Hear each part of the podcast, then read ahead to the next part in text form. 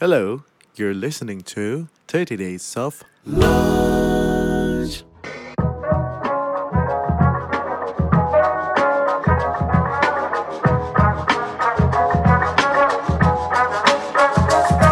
Tapi uh, we always have one thing ya. I think all of us di F&B business have uh, one goal, provide good food ya.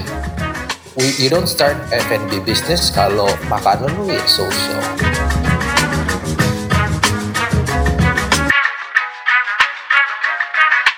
Jadi di situ gue belajar sebenarnya a bit of anxiety itu penting buat ditanemin ke staff lu. Anxiety itu bikin lu kayak kayak fokus, kayak uh, lu lu jadi lu nggak mau uh, apa mengacaukan pekerjaan lu.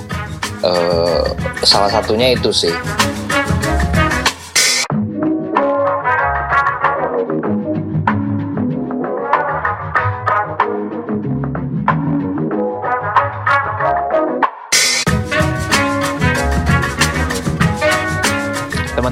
Selamat datang kembali di episode terbaru 30 Days of Lunch.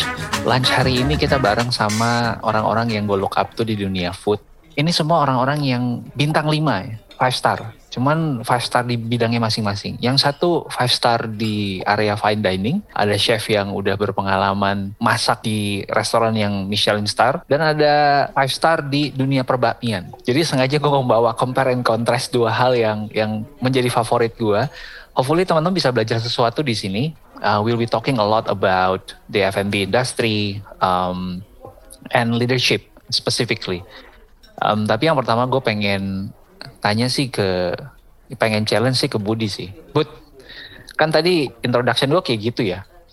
Tapi kalau lu lagi di resto lu nih, lu lagi di resto lu di August gitu ya, terus ada tamu datang, how would you greet them biasanya? Ada ada spesifik hospitality one two three nya nggak buat lo? Gua sih sebenarnya nggak ada ini ya, apa nggak ada, nggak ya ada lah pattern gitu kan diajarin yeah, greetings, yeah. Uh, greetings and then ini. Cuman gua biasanya always trying to hit that uh, warm spot dalam hmm. artian I always believe bahwa kalau misalnya uh, lu datang ke restoran first timer lu nggak tahu itu pasti weird banget hmm. and Hmm. Gue always trying to make people as if I know them. Oh, uh, walaupun lu belum pernah nih. Belum pernah ketemu, tapi okay. not necessarily you know the person, cuman you make the gesture as if you know them, that you hmm. are welcoming them. Jadi eye contact, smile, mm -hmm. uh, hand gesture, uh, mm -hmm. those kind of things. I, I think it, it helps. Maksudnya hmm. uh, people akan ngerasa at ease dan itu akan nanti pelan-pelan baru lu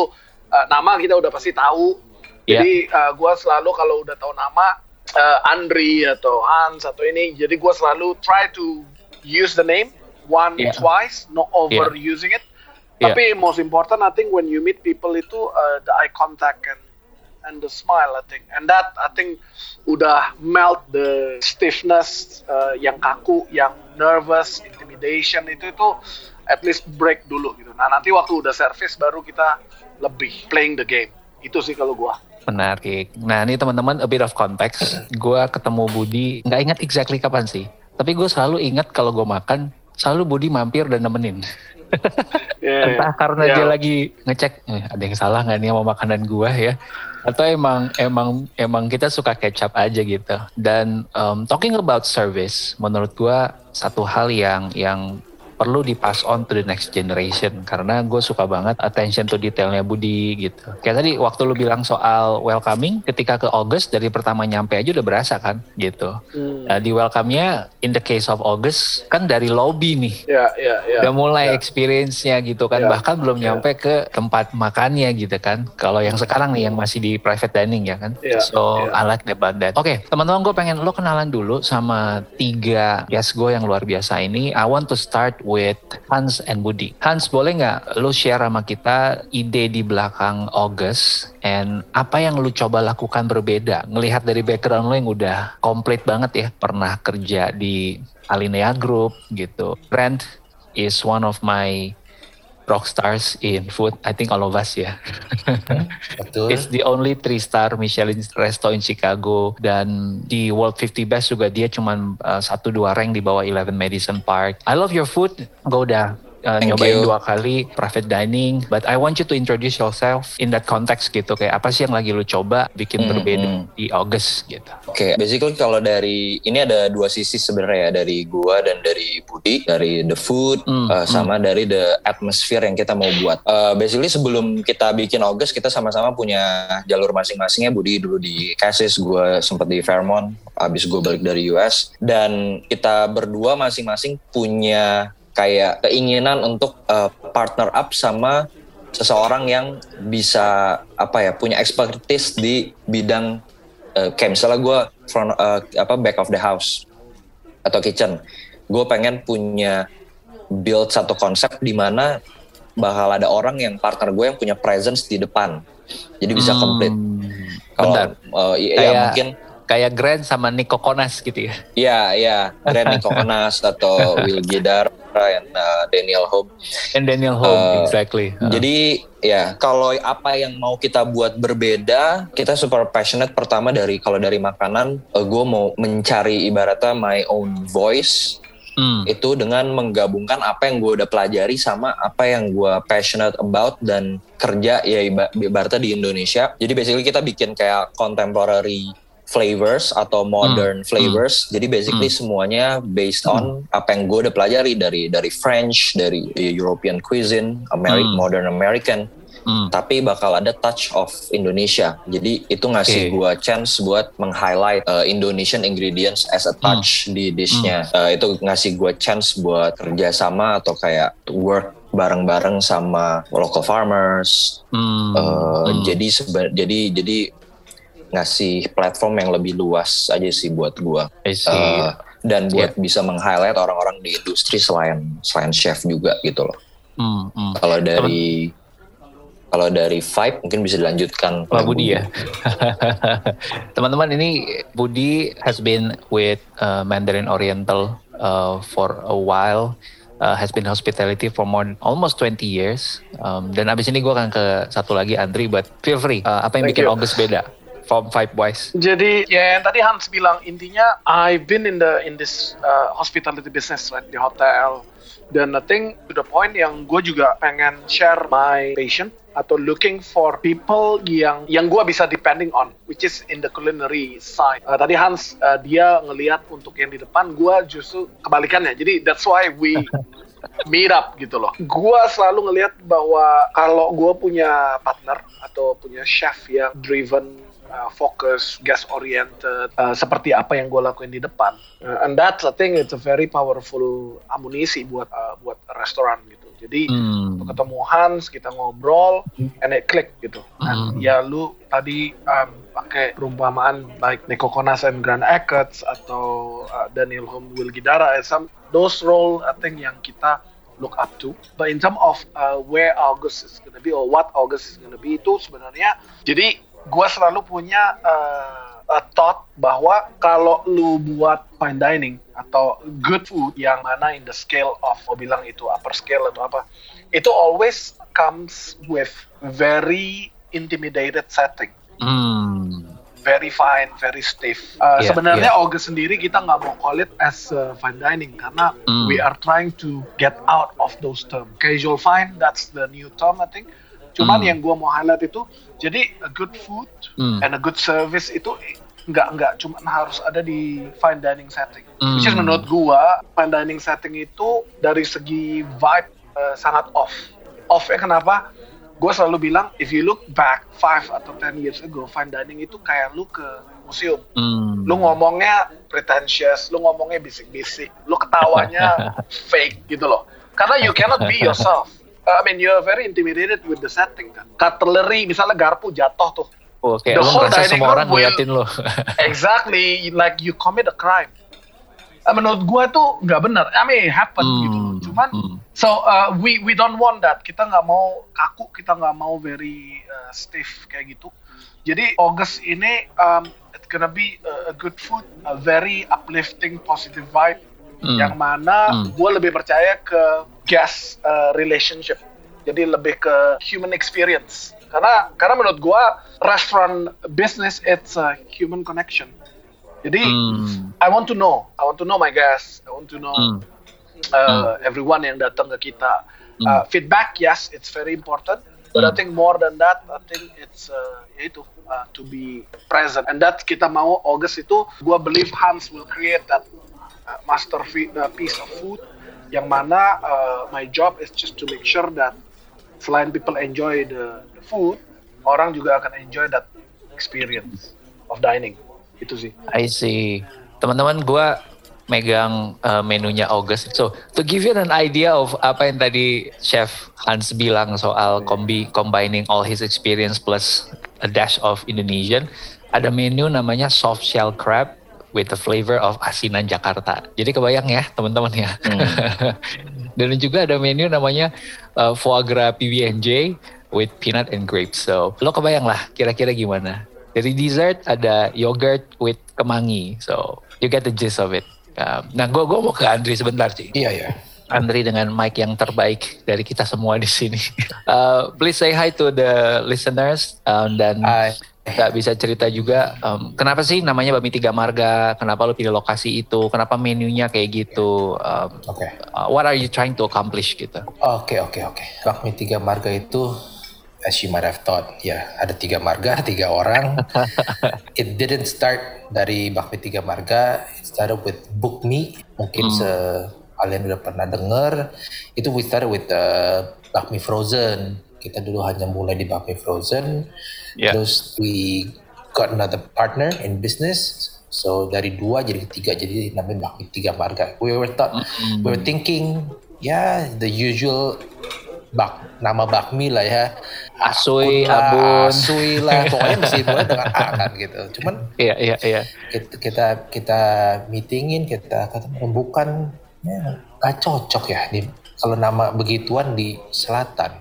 Jadi kita cuma oke. Okay, kita punya tiga orang tiga marga kita namain aja bakmi tiga marga okay so which is very catchy man which is very catchy and we're we're happy with that decision and it turns out to be a, a good name gitu kan now mm. oke okay, selatan kita mostly base-nya anak barat atau anak utara ya. Saya saya sendiri pun asalnya dari Purina, dari anak barat yang dikelilingin oleh bakmi enak kita ngomong. Hmm. Selatan di zaman waktu kita buka Bakmi Tiga Marga sudah ada beberapa sih ya yang hmm. Hmm. Uh, eh, non halal kita ngomongin non halal aja karena kita di base di non halal bakmi.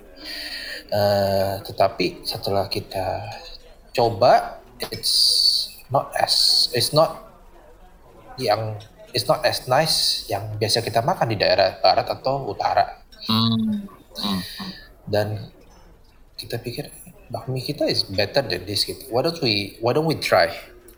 Terus my newest partner uh, Leo came up with this idea karena kenapa kita nggak bikin di komplek di dalam komplek yang hidden is a hole in the wall and it's at first it was kita this is ini salah nggak ya ini even Google Maps tuh kasih directionnya two ways kayak there's gang kecil dan gang besar dan Yeah, yeah, yeah. The first year kita our main job was only pakai jalan yang ini ya di Google Maps-nya karena so many WhatsApp came through like ini mobil nggak muat katanya gimana masuk oh salah salah sorry so it took us a year just to fix that mm. and kalau kalian udah pernah ke Bakmi Tiga Marga you be stupid enough to put bakmi in this hole gitu kayak itu benar-benar kayak permata hijau dalam dalam dalam dalam tapi uh, we always have one thing ya I think mm. all of us di F&B business have mm. uh, one goal uh, one mm. goal one mindset the first thing that we need to do is provide good food ya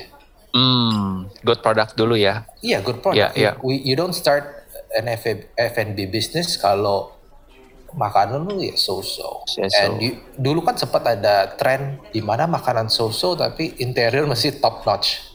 Iya. Yeah. Iya. Yeah. Iya, yeah, yeah. Lu like jual vibe-nya, yeah, jual mood vibe, vibe, vibe. But mm. how long will that last? They didn't last for a long time, ya kan? Iya, mereka bertahan selama Instagram bertahan. Betul. Karena orang ke sana buat foto, bukan buat makan. Betul.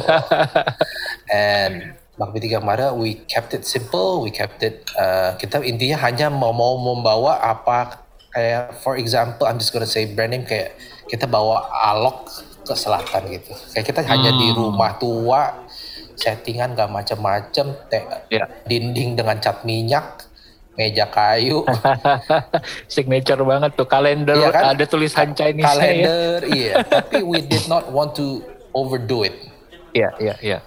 We just kalau kita cuma put our shoes in misalnya encek-encek yang buka bakmi mau dekornya gimana ya udah kita dekornya seperti itu.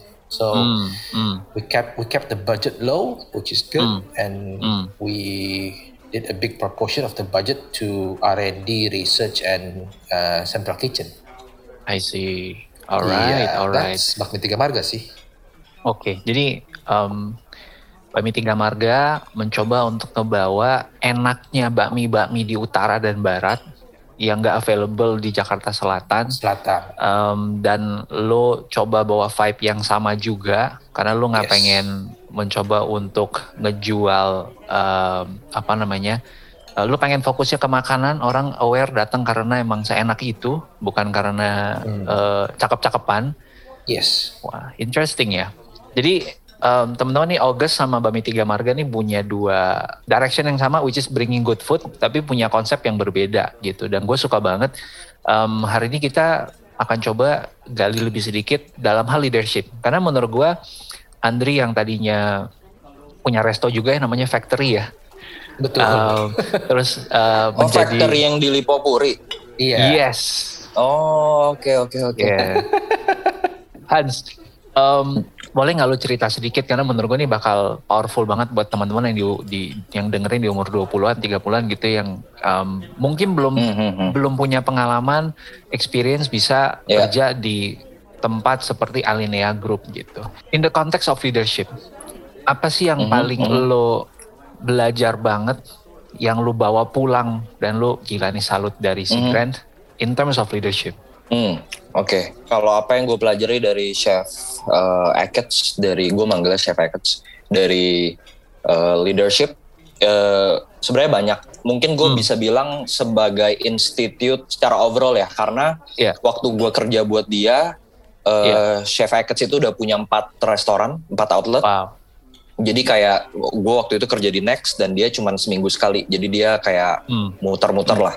Jadi hmm. basically ada head chefnya lagi yang di tempat gue yang gue lebih intens belajarnya.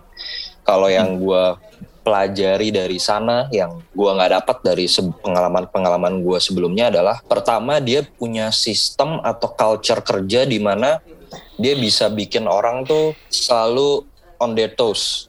Jadi kayak hmm. gue harus fight buat posisi gue every single day, every single minute kalau enggak, someone else will take over it. iya, karena dia punya, dia bisa demote lu atau promote lu within hmm. minutes. Wow. Lu dari, lu baru dipromote hari ini.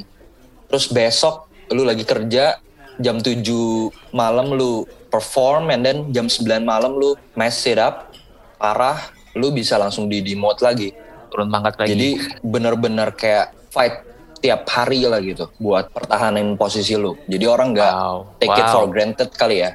Lu mesti uh, bawa your A game terus setiap hari ya. Oh iya iya iya iya iya.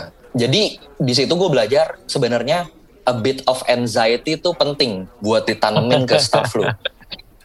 Anxiety tuh bikin lu kayak fokus kayak hmm, uh, hmm. lu lu jadi lu nggak mau uh, apa mengacaukan pekerjaan lu. Salah satunya itu sih. Hmm. hmm. Terus mungkin satu lagi kitchennya benar-benar beda dari kitchen-kitchen yang gue pernah kerja jadi hmm. basically mereka percaya bahwa kalau kerja di kitchen itu harus bahasanya mereka tuh harus elegantly atau gracefully hmm. jadi justru kitchen team yang knows what they're doing yeah. on their A game itu yeah. nggak banyak shouting nggak nggak nggak berisik jadi hmm. everybody knows what they're hmm. doing hmm. udah saling bantu with less hmm. communication hmm. uh, jadi it's it's quiet but it's intense gitu. Karena ya. Lu ceritain dong yang itu, yang yang Tweezer story, the famous Tweezer story. Wah apa tuh famous Tweezer story? Oh enggak, it's, it's, uh, ini ini ini uh, just a culture sih kalau di kitchen sana. Jadi basically hmm. uh, karena mereka nggak suka kayak jadi buat mereka konsentrasi itu paling penting. Jadi iya. fokus itu yeah. paling penting. Jadi hmm. sometimes hmm. yang bisa ngebreak fokus lu waktu lagi kayak service itu kayak tiba-tiba misalnya pot jatuh ke lantai hmm. atau enggak tiba-tiba hmm, uh, lu ngedrop something tiba-tiba bunyi. Nah itu yeah. buat mereka tuh kayak dosa banget gitu loh. Mm, Jadi mm. ya gue gue pernah kayak kayak misalnya even lu mau nutup pintu kulkas itu harus kayak nggak ada suaranya gitu. Mm. Nggak nggak ada cerita-ceritanya kayak mm. lu ngebanting ini ngebanting itu lempar ini. Ya dulu gue pernah basically satu hari kayak it's a good day gue kayak super proud uh, malam itu gue kayak perform eh, nggak uh, ada masalah terus tiba-tiba jam 9 malam gue udah beres-beres nih station hmm. gue gue tinggal bantu hmm. station uh, my fellow chef de party terus hmm. tiba-tiba tweezer gue jatuh ke station gue hmm. tweezer tuh itu loh yang kayak capitan, capitan kecil capitan, buat pincet, pincet, ya, pincet, pincet, hmm. pincet, pincet, iya pincet, pincet, hmm. pincet buat garnish kecil-kecil itulah jatuh. Hmm. Terus lagi lagi benar-benar fog hening tiba-tiba bunyi kan teng besi ketemu besi. ya, besi ya terus ya basically semua orang ngeliatin gue itu per, terus ya head chefnya bilang kayak Hans kayak you don't work quiet you don't work here. Terus gue langsung diusir pulang. Dan di sana tuh basically orang kerjaan per jam kan. Jadi yeah. sebenarnya lu ngusir pulang ya lu nggak dapet gaji di jam berikutnya gitu loh. Kalau lu sistemnya hmm. per bulan kan hmm. ya udah lu diusir pulang enak yes. Gue ya yang gue dapet sama. Kalau di sana enggak jadi lu ya balik lagi ke poin gue yang pertama tadi. Jadi lu fight buat lu bisa kerja wow. di situ gitu loh. Wow. Ini ini gue dapet dua contrasting point of view. Karena selama ini yang kita tahu nih mungkin teman-teman yang dengerin juga teredukasinya adalah kitchen di luar negeri itu seperti yang kita tonton di acaranya Gordon Ramsay ya kan ada. yang isi dengan teriakan ya, ya kayak tapi di case ini enggak ya jadi mungkin gue mau dalamin sedikit deh after this gue angka Budi dan Andri mumpung udah diangkat hmm. gitu uh, di hmm. episode sebelumnya kita sempat ngomongin soal leadership juga tapi sama uh, eh, CEO-nya Nutrifood dia bilang hmm. kuncinya leadership adalah memanusiakan manusia dia sebutnya hmm. hmm. human kind leadership nah tapi kalau kita ngelihat di kitchen dan tadi udah mention ada sedikit anxiety, lo nggak boleh berisik, lo harus always uh, bring your A game, ada kasus tweezer lu aja lu disuruh pulang gitu. Menurut lu itu masih dalam batas manusiawi atau sebenarnya ini udah much better dibandingkan dulu.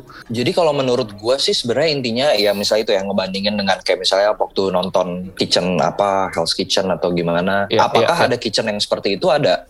Yeah. Jadi menurut gue tergantung sama uh, tiap chef punya value-nya beda-beda. Jadi value apa yang si chef in charge di tempat itu mau ambil. Oke. Okay. Maksudnya adalah dengan uh, lingkungan yang intens itu bakal yeah. ngajarin lu specific trait. Disiplin sama fokus. Mm. Minusnya minusnya apa? Stress level. Mm. Apakah setiap orang punya kapasitas atau baterai untuk menahan stress level itu on a constant daily basis buat beberapa bulan sampai setahun? Yeah. Uh, jadi turnover akan sedikit lebih tinggi lah. Tapi yang bertahan benar-benar luar biasa banget ya oh, level iya. of iya. ininya ya. Uh, Hmm. Jadi jadi mereka rela tuh buat dapetin ibaratnya one, two, three person yang bisa jadi strong karakter banget, fighter banget buat akhirnya ngela, uh, bantu mereka di manajemen lah. I see. Uh, tapi dengan saya ada gue pernah juga kerja di kitchen yang lebih uh, intens tapi lebih relax, lebih kayak bercanda-bercanda, lebih hmm. kayak hmm. sama chef tuh kayak deket. Itu ngajarin hmm. lu lebih buat confident sama creativity. I see. Nah itu nggak bisa dibalik. Jadi misalnya ling satu lingkungan itu ngajarinnya lebih ke disiplin sama fokus, hmm. di satu lingkungan lagi yang lebih kontras ngajarinnya confidence. Jadi lebih lu lebih yeah. bisa berkreasi, bikin ini hmm. bikin itu. Uh, hmm. Jadi menurut gua beda sih setiap setiap kitchen tuh beda-beda. Satu lagi kalau yang lu tanya tadi apakah sekarang udah lebih baik? Menurut gua batasannya yang penting nggak nggak main fisik. Sekarang udah jarang yang kayak even menurut apa dulu banyak lah yang lempar-lempar kasih lempar lempar, ya. lempar lempar lu atau enggak sendok dipanasin terus ditempel ke kulit lu serius uh, menurut gua itu wow. ya menurut gua itu udah enggak sih udah udah hmm. udah hmm. bukan zamannya lagi lebih ke pressure secara kerja aja sih sih hmm. hmm, gue suka um, cara lo ngebawain ini karena pada akhirnya berarti lu sebagai orang yang memilih kerja di sana, lu udah aware banget. Oh ini valuesnya chef yang gue emang look up tuh dan gue udah prepare untuk ngadepin ini. Kalau enggak ya, ya gue cari chef lain, hmm. kitchen lain yang valuesnya lebih match ke gue gitu ya. Oh benar benar benar. Hmm, hmm, hmm, Jadi hmm. mereka salah satu yang mereka tanya di interview tuh cuman eh apa maksudnya yang di advice sama waktu gue masih trial di sana cuman lu harus make sure lu bener-bener mau kerja di sini. Udah itu aja. Wow. How do you prove that? Gimana lo ngebuktiin dan lo ngejawab itu waktu itu? Most of people don't have any idea. mm, mm. Jadi, uh, oh ya yeah, ya, yeah, of course, it's next, it's a linear group. Of course, I wanna work here. Tapi lu have no idea aja what, what you gonna what you gonna get actually. Wow. Jadi along the way baru lu uh, apa ya kayak uh, decide buat diri lu sendiri apakah ini something yang lu mau go through atau kayak menurut lu lebih cocok di tempat lain gitu. I see. Hmm. Ini jadi gue jadi inget uh, gue suka nonton banyak banget dokumenter. Makanya nggak heran banyak juga chef yang akhirnya luluh ketika orang random dari negara mana datang ke Perancis terus duduk aja di pintu belakang kitchen dia nungguin sampai gue mau berguru sama lo. Dan gue nggak akan pulang sampai lo ngeiyain gue untuk jadi ah. lo jadi mentor gue. Karena yang dicari adalah persistensi itu ya grit itu iya, ya. iya. Iya. Iya iya. Kalau lo emang semau It, itu, itu ya sampai lo pindah gitu. negara ya udah mungkin lo bisa survive. Kalau enggak kayaknya mendingan nggak usah apply gitu ya. Benar benar benar. Wow Oke, okay, I'm gonna go to Andri first karena yep. ini pasti seru nih untuk compare dan kontras ya.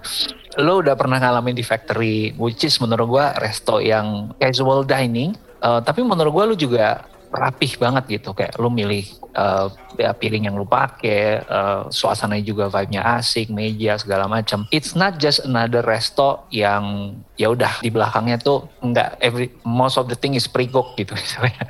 Lu you make it ala minute gitu. Dan sekarang menjadi noodle shop in in the case of leadership menurut lo adjustment paling gede apa yang harus lo lakukan ketika lo pindah dari resto kayak gitu and then becomes a noodle shop? Oke, okay. menurut gua there's not a big adjustment.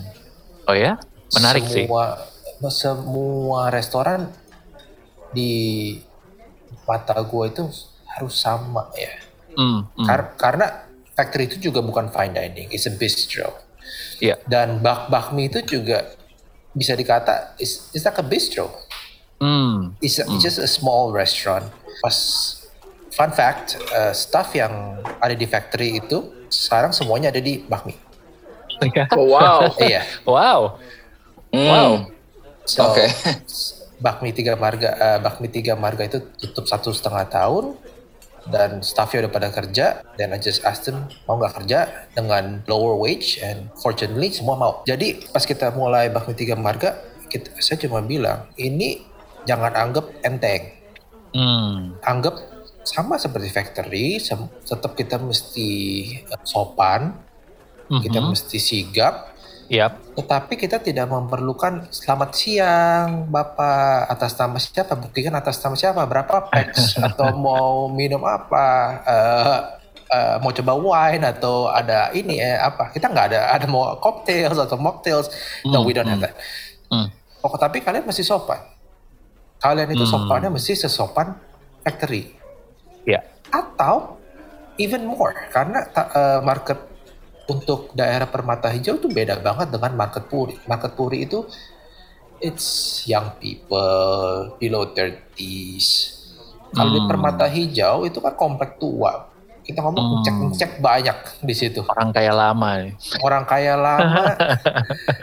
oh, orang kaya lama cek-cek dan yang punya bisnis besar-besar banget ya yang tinggal hmm. di situ hmm. ya. Iya, iya. Jadi harus lebih sopan lagi dan lebih courteous lagi daripada factory.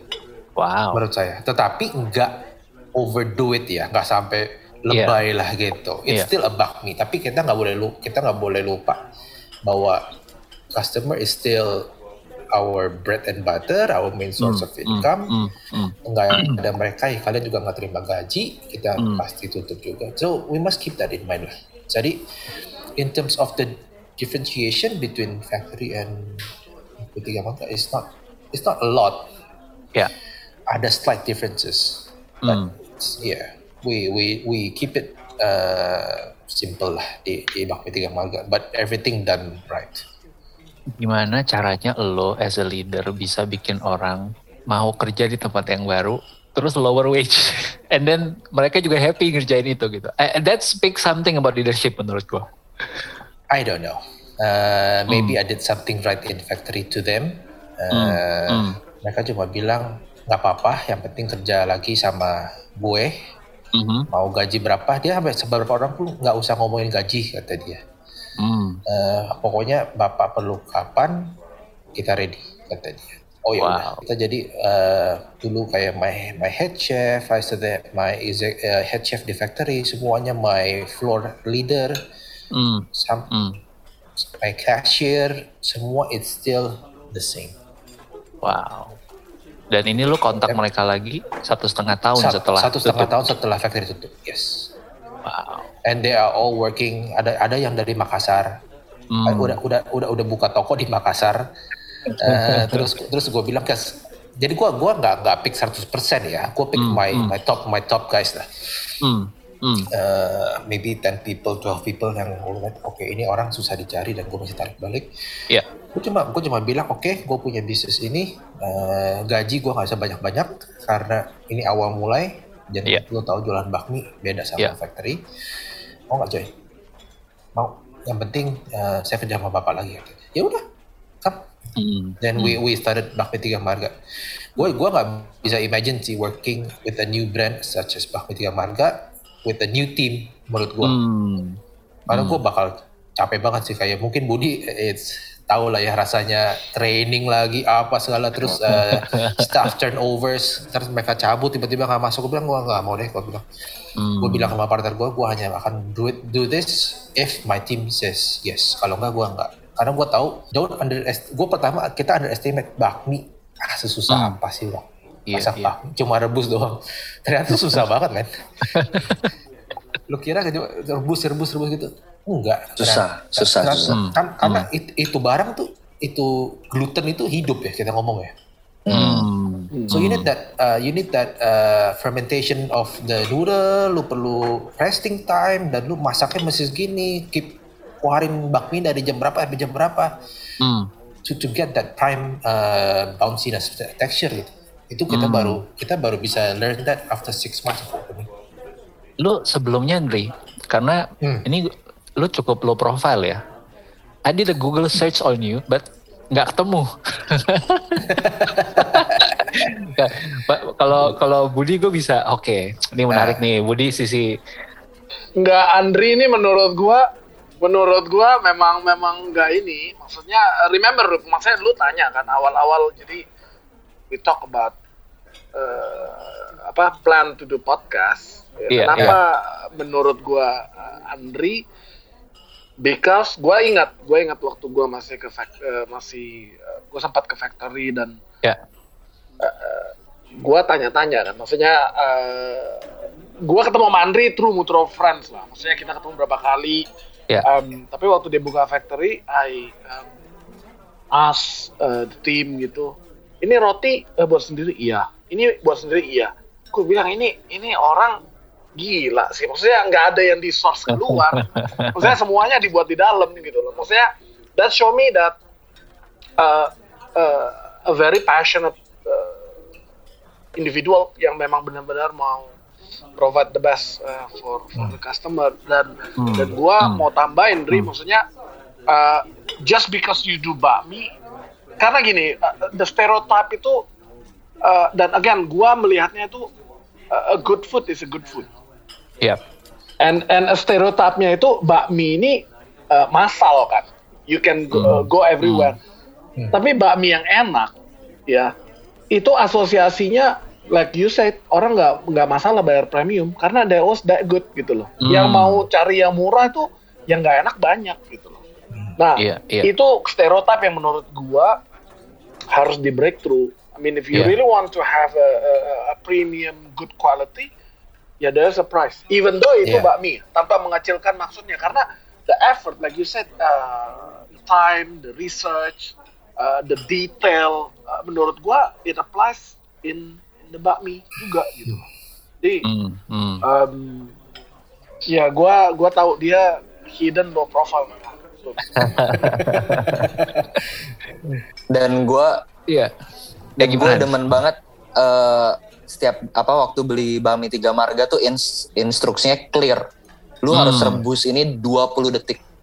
Hmm. Nah, benar-benar di timing yeah. 20 detik itu tekstur perfect. Karena biasa orang kan kayak uh, menyepelekan kan. Oh yaudah bami udah rebus-rebus aja gitu sampai mm -hmm. ya ini. Tapi enggak And that's, itu. That's the detail. That's the detail menurut gua yang you invest, you know.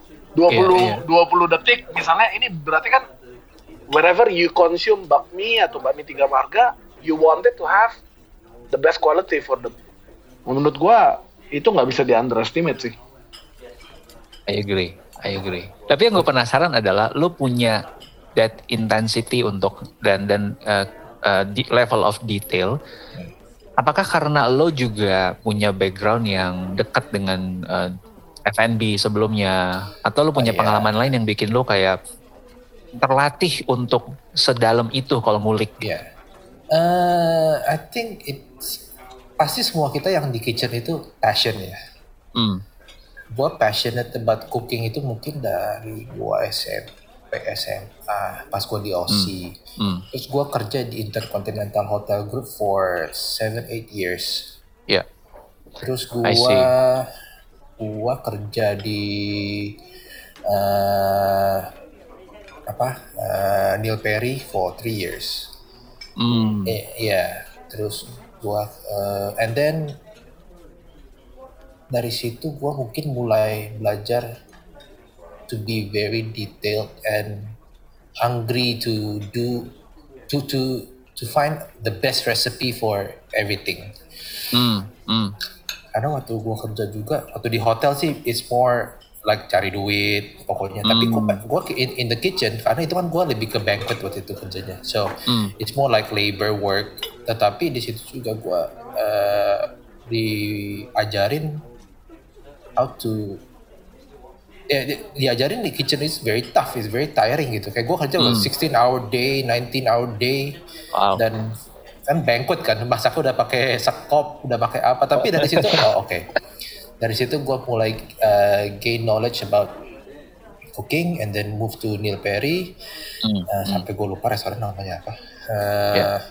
di situ mulai fine dining fine dining fine dining tapi fine dining nggak sampai extremely Eleven Madison Park fine dining nggak it's just yeah. Neil Perry lebih like good food Yeah. And I know he's not the top top guy in Australia, tapi waktu itu gue oke, okay, I, I did something. I have no, uh, gue nggak belajar culinary. Gue, gua mm, my mm. my degree was accounting and finance, and mm. cuman gue cuma gue cuma masak aja.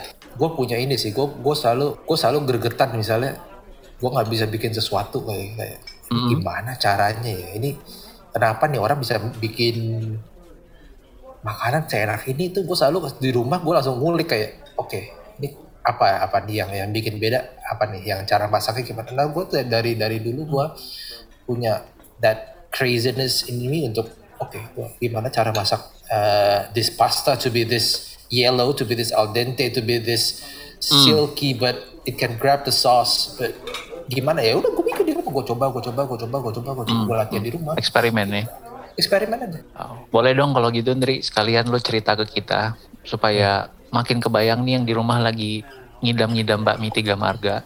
Hmm. Iya. Untuk dapat bakmi yang seperfect yang tadi lo cerita um, dengan uh, apa namanya dengan ketebalan mungkin level of hmm. agak garingnya juga pas gitu ya. Terus ketemu yeah. sama toppingnya juga mixnya enak gitu. Yeah. Berapa banyak eksperimen yang lo lakukan terus um, apa namanya uh, trial and error yang sampai akhirnya lu nemu um, terus mungkin ada satu turning point yang lu ah ah ternyata bakmi itu iya. begini yeah. gitu. Iya. yeah. Uh, lucunya itu kita sempet rubah resep total pas bukan bakmi tiga marga dari bak hmm. dari bukmi itu dari bakmi frozen. Bakmi frozen itu didesain untuk dimasak dimakan langsung. If you take it away itu bakmi bakal jadi kotak dan susah diurai.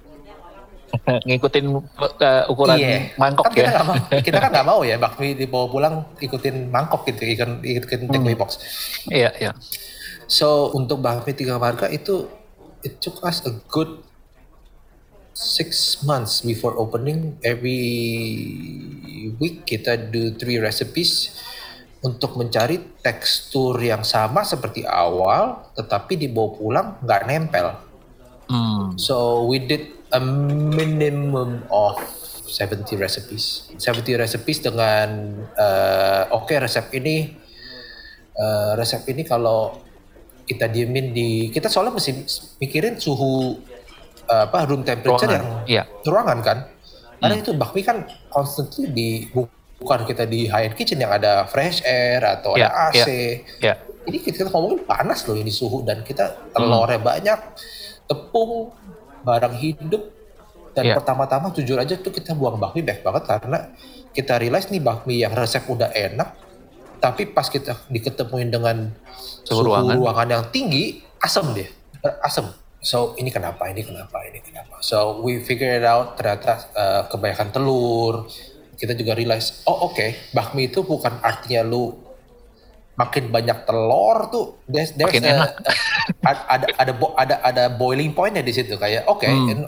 that's it that's the maximum you can you can do mm. lu do, you go over that point it doesn't do anything mm. Mm. it makes it worse Hmm. So kita kita coba kita six months lah, six months sampai kita buka. Pas kita buka pun itu bakmi menurut gua ini nggak enak. Dari Makanya tadi lu cerita dari buka dan enam bulan adjustment lagi ya? Iya, ada adjustment lagi sampai enam bulan. Oke, okay. ini udah dapet nih. Ternyata hmm. susah main bikin bakmi jauh lebih susah daripada bikin pasta. gue kayak lu what the hell. Berarti gue mengasumsikan uh, bakmi yang lu pakai buat frozen sama bakmi yang lu pakai buat in house masak di tempat itu sebenarnya dua resep yang berbeda. Sekarang sudah sama. Ah. Kita Jadi udah udah nemu di mana, celahnya nih. Udah nah. udah nemu celahnya di mana itu bakmi sama teksturnya es awal tetapi pas gua bungkus pun sekarang nggak kotak bentuknya. Dulu tuh bukmi itu satu problemnya. Lu mesti makan langsung. lu nggak boleh take away. Dan kita kan dan ini kan sekarang pasti go eh, tank uh, dulu belum ada corona ya. Sekarang ada corona semua take away semua kan. Untung uh, banget kita sekarang babi kita nggak nggak bisa di aur-aurin lah pas nyampe gitu. Untung banget kita bisa ketemu itu resep wow terus kita mulai uh, kita punya beda resep untuk si mie lebar, mie lebar normal sama mie lebar mie pok juga beda resep. Mm. Mie karet juga beda resep. Ternyata resep satu itu tidak bisa kita oper ke hanya beda cutting nggak bisa. I see. It's different. It's weird. Mm. Benar-benar yeah. weird itu bakmi. Ya. Yeah. Dan uh, eh, gue bisa jadi saksi buat ini juga teman-teman. Um, gue cukup lama di dunia F&B walaupun uh, lebih ke sisi marketing. Um, gue pernah main ke kitchen salah satu uh, Abu Rasoba yang terkenal di oh, iya. Jakarta gitu. Dan itu mereka untuk bikin mie-nya itu punya mesin yang didatangkan dari luar negeri. Harus spesifik mesin itu. Lalu chefnya yang original dari Jepang itu butuh sekitar 1-2 bulan di Jakarta untuk nyari bahan-bahan yang sesuai sama yang di Jepang. Bahkan untuk minyak dia minta kalau nggak salah 3 sampai 4 brand yang berbeda di tes suhu ruangan. Jadi itu bakmi punya ruangan khusus di AC-in teman-teman. Wow. Supaya betul, ada betul, di temperatur betul, yang tadi kata Andri tuh uh, nggak ngerubah tekstur, nggak ngerubah ini pas dimasak juga enak. Jadi gua gua bisa paham banget sih. Kalau mau didetailin lagi, si orang Jepang ini sampai mau milih air. kita juga air kita kita uh, itu itu efek banget. Jadi kita pH hmm, hmm. segala-segala Eh, soalnya air air bakmi itu kan nggak bisa pakai air biasa, Al alkaline hmm, water. Alkaline water, air abu iya, ya orang iya, bilangnya ya. Air, uh, iya, pengganti air abu. Tetapi kita tetap pakai air abu. It's a very small amount of air abu that we use. Hmm, hmm. Air abu will give you the crunchiness, the texture, the bounciness. Tapi hmm. Same as eggs in noodles, air abu itu cuma lu kalau taruh banyak juga nggak enak banget. Itu lu nggak bisa makan, yeah, pedas yeah, banget. Iya, iya. Yeah. Tapi air itu kita selalu every single morning until now itu air yang kita pakai kita pH test. Nah teman-teman semoga uh, nanti lo kalau makan bakmi apa pun ya ya ya hopefully bakmi tiga Semuanya. marga lo kalau penasaran lo punya apresiasi yang baru ya terhadap semangkok bakmi ada proses panjang di belakangnya untuk make sure itu rasanya persis waktu lo makan pertama kali sampai berapa tahun kemudian gitu. Gue Gua gua mau ke Han sekarang. Yeah. Kita masih lagi ngomongin menu ya, karena menurut gue ngomongin menu ini menarik nih, dan masih bisa dikaitin ke leadership. In your case, um, lo udah di uh, macam-macam resto di luar, dan lo balik Indo.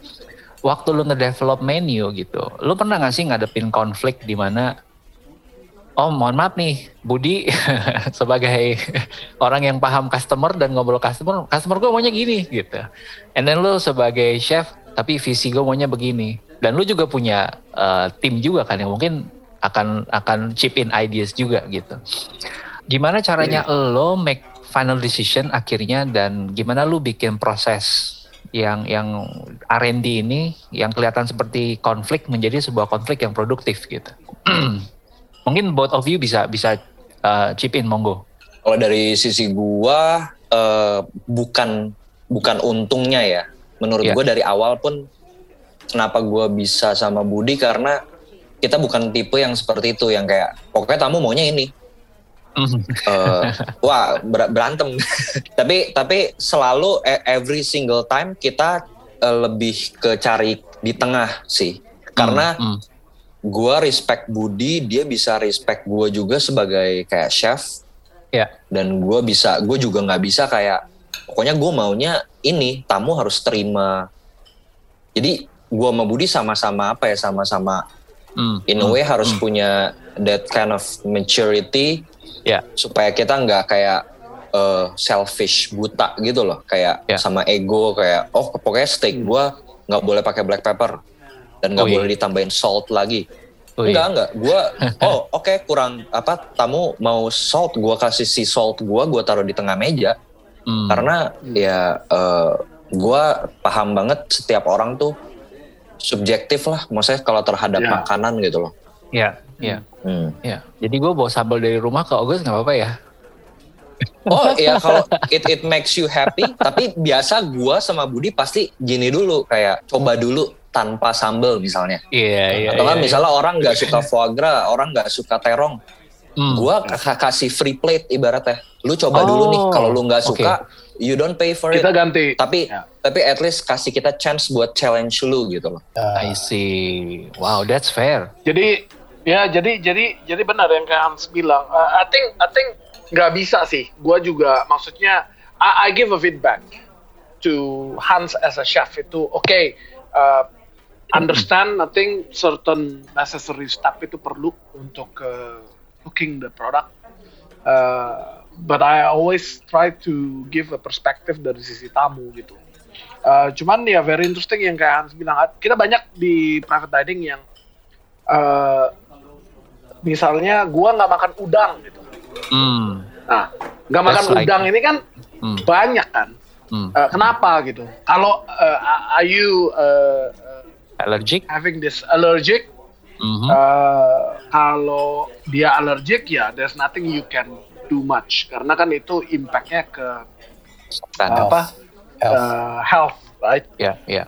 tapi kalau dia bilang enggak gua nggak suka karena amis nah mm. di sini tuh di sini itu yang menurut gua uh, right if you open uh, uh, minded dan allow us to present you kalau udang kita nggak nggak amis mm. uh, it's very tasty uh, yeah. it's cooked very nicely yeah give it a try after all those that we've done if you don't like it ya itu kan again it's a subjective you don't yeah. like it you don't like it mm. tetapi uh, gua gua gua sempat lihat um, di advert beberapa beberapa minggu lalu tuh is about pete. Orang nggak makan pete itu karena the memory back then itu something really bad.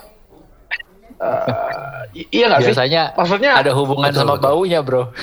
Iya bau atau terlepas dari bau juga ada ada ini. Nah ini sama nih kalau kayak udang hmm. atau gua hmm. nggak hmm. gua nggak makan uh, durian, ya, foie gras gitu hmm. atau ya gitu yeah. Ya. uh, kita selalu challenge kalau you are not hmm. allergic uh, ada malahan ini uh, gue kalau boleh share uh, one of uh, Hans uh, signature dish itu yang uh, uh, the chicken ayam blitar uh, ayam blitar right um, uh, we use the breast part and it's uh, you know, uh, a lot of people uh, praise it's tender, it's juicy, even though it's breast.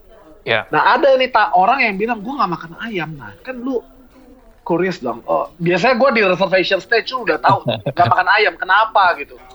nggak uh, uh, suka gitu uh, dry atau apa gitu nah kita always um, as long as the guest itu give you a, a, a space to to to present kita will will hmm. go that karena that can change the the perspective yang tadinya gua nggak suka tapi gua bisa suka ya mungkin waktu itu makan udangnya nggak dibersihin yang benar atau hmm. simpannya nggak bagus gitu kan hmm. and then yang nggak fair menurut gua ke depannya gue nggak makan udang just because of those bad experience.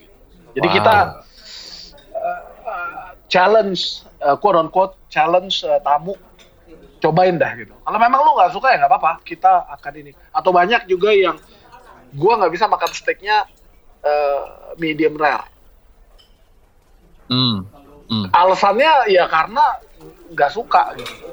Tapi mm. ya gue sama Hans sudah sudah in the same uh, frekuensi coba dulu nih sepotong kenapa di cook kayak gini karena gini gitu oke gue nggak suka hmm. bloodnya ya Hans biasanya after di cook medium uh, medium apa uh, rare uh, bu bukan masalah merahnya bukan masalah pinkishnya Rup. tapi the hmm. blood yang yang yeah, dripping yeah, yeah, itu yeah. orang adalah yeah, nggak yeah. bisa oh ya udah kita bener. ini begitu udah dimasak dikasih di rest ya gue bilang mah Hans jangan ada blood uh, dripping ya itu bisa hmm. dibuat kan tapi tetap medium rare gitu dan it's a lot of people itu yang oh iya ternyata medium rare is very nice nah gitu loh hmm. just because you cannot see the blood it doesn't mean that lu maunya uh, well done gitu loh hmm. I see. itu sih wow menarik ya jadi makan di August ini hmm. bisa dibilang kayak sebuah healing experience dari trauma-trauma masa lalu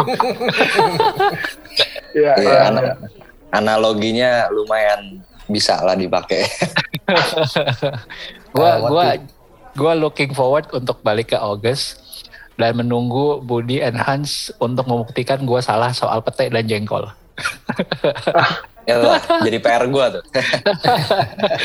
karena selama ini gua wah gila. Gua tuh sangat nggak suka karena gue punya pengalaman disuruh sama temen kan udah di challenge makan gitu kan pas makan gila itu bitterness dan bau di leher gue ya. Nggak hilang-hilang. Itu nggak hilang-hilang sampai malam dan gue sampai nggak bisa tidur. Karena buat gue itu, gue anaknya sangat sensi sama penciuman gitu. Nah jadi bahkan bini gue nih di mobil kalau dia pakai minyak kayu putih, gue bisa pusing.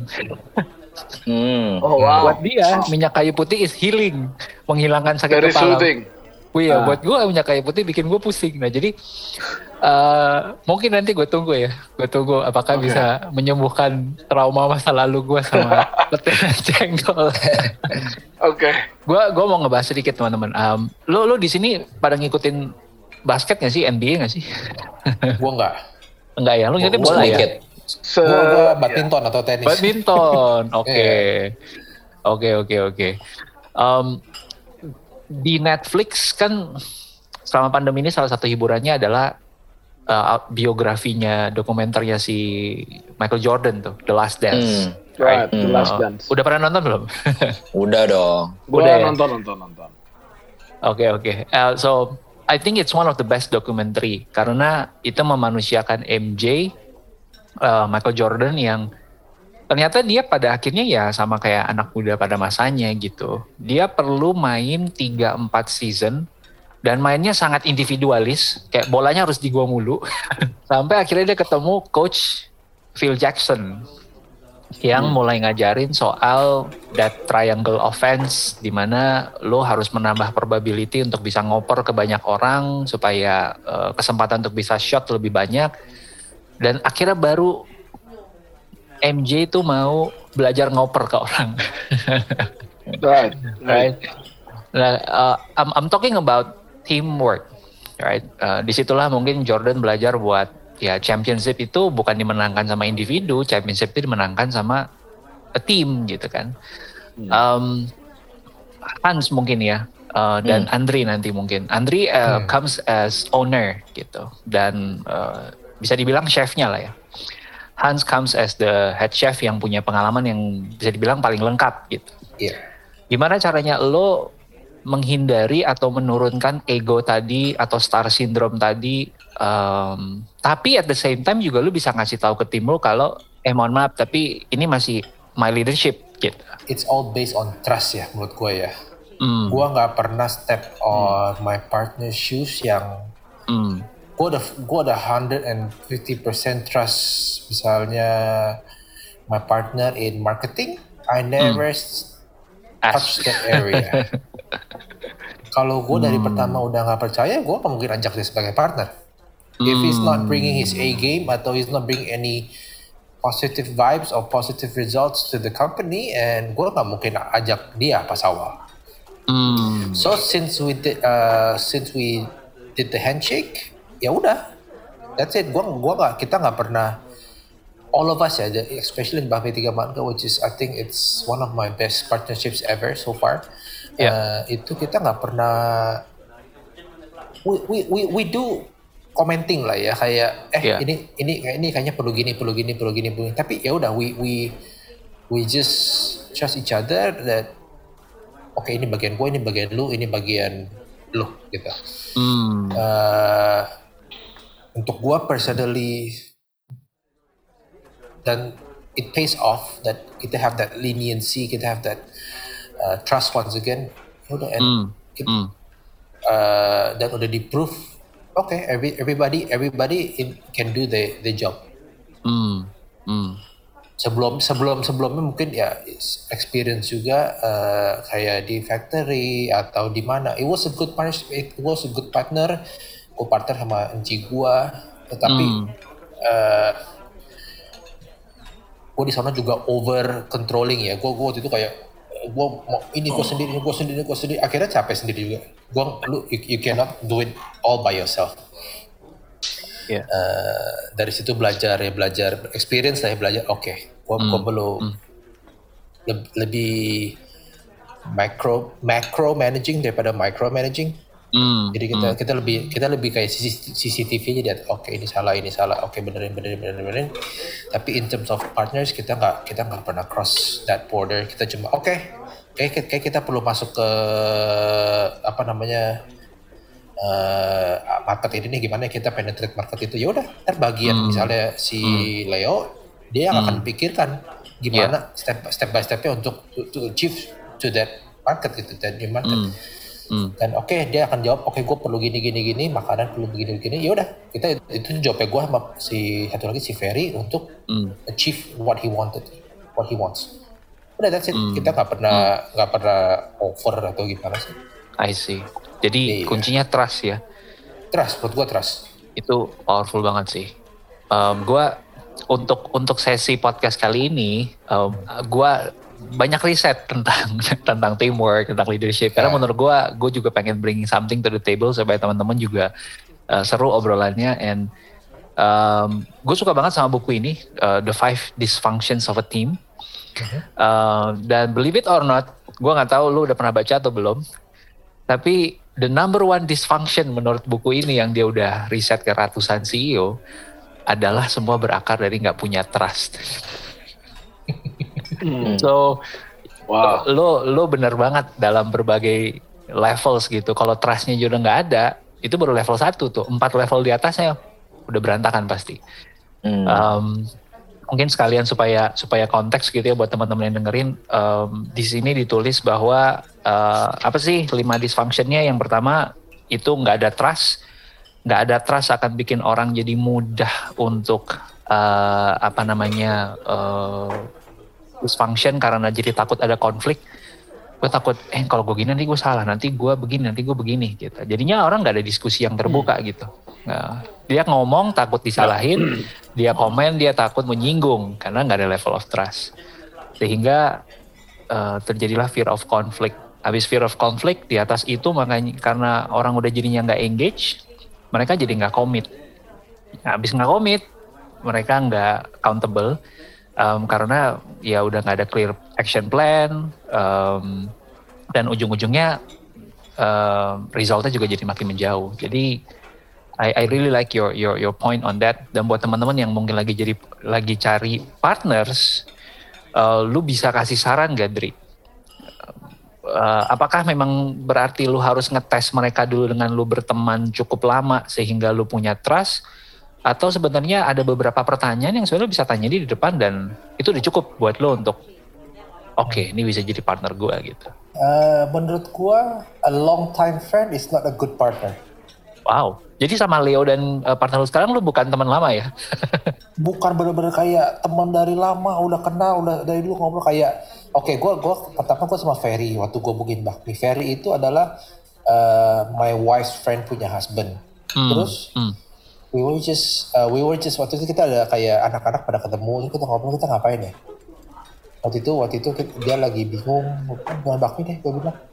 Bakmi tapi mau gimana buka? Jangan jangan buka toko, gue bilang lu mau bayar sewanya gimana mm. so um, kita kita bilang udah frozen aja frozen waktu itu kan uh, waktu itu gue bilang ya udah gue nggak sempet waktu itu kan gue masih ada factory ya udah lu bikin kita cobain kita kurang apa lu yang packaging lu yang semua oke okay. tapi he wasn't a, a close friend cuman hmm. waktu itu setelah gue ayah lu bikin dan oke okay, kurang ini dan bikin lagi jadi jadi jadi oke okay, gue bilang yaudah hmm. kita jalanin jalanin hmm.